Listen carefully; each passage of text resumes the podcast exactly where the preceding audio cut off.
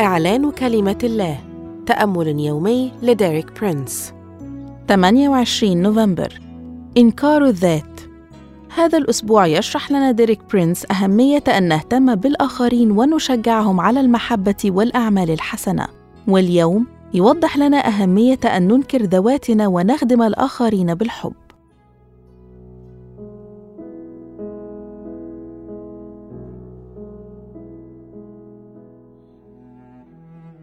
فيما يتعلق باستعدادنا لخدمة الآخرين أريد أن نقرأ فقرة أخرى كتبها الرسول بولس إلى كنيسة كورنثوس.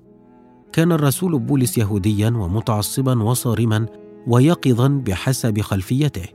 كان فريسيا وكان لديه المؤهلات ليكون معلما. كما أن لديه نوعا من البر جعله يفصل نفسه عن الآخرين. وكان ينظر لهم أنهم أقل منه أو حتى يحتقرهم. ولكن عندما آمن بيسوع حدث تغيير أكثر من رائع في طبيعته. تذكر أن أهل كورنثس كانوا في الأساس حثالة المجتمع. فقد ذكر في رسالته أن بعضا منهم كانوا مثليين والبعض عاهرات والبعض سكارى والبعض مزدرين. لم يكونوا أفضل الناس. كانت كورنثس أحد الموانئ الهامة في العالم القديم.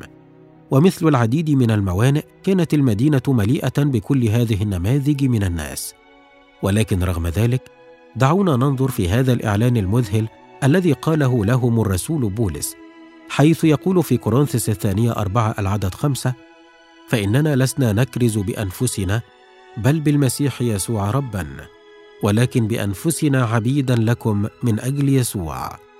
ها هو الفريسي المتفاخر يقول ولكن بأنفسنا عبيدا لكم من أجل يسوع حتى لهذه النماذج الموجودة في كورنثس ويمكنك أن تلاحظ في هذه الآية ثلاث خطوات.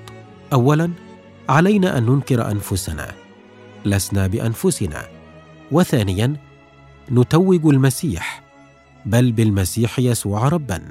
وثالثا نخدم الآخرين. بأنفسنا أي نحن عبيدا لكم من أجل يسوع. إنها خطوات هامة جدا. بالحب نخدم الآخرين. هذه هي الرسالة. اهرب من التمركز حول الذات. أشكرك يا رب لأنك أمين. أنت تعطيني الرجاء. أعلن أني أنكر ذاتي وأتوج المسيح وأخدم الآخرين. وأني سأهتم بالآخرين. آمين.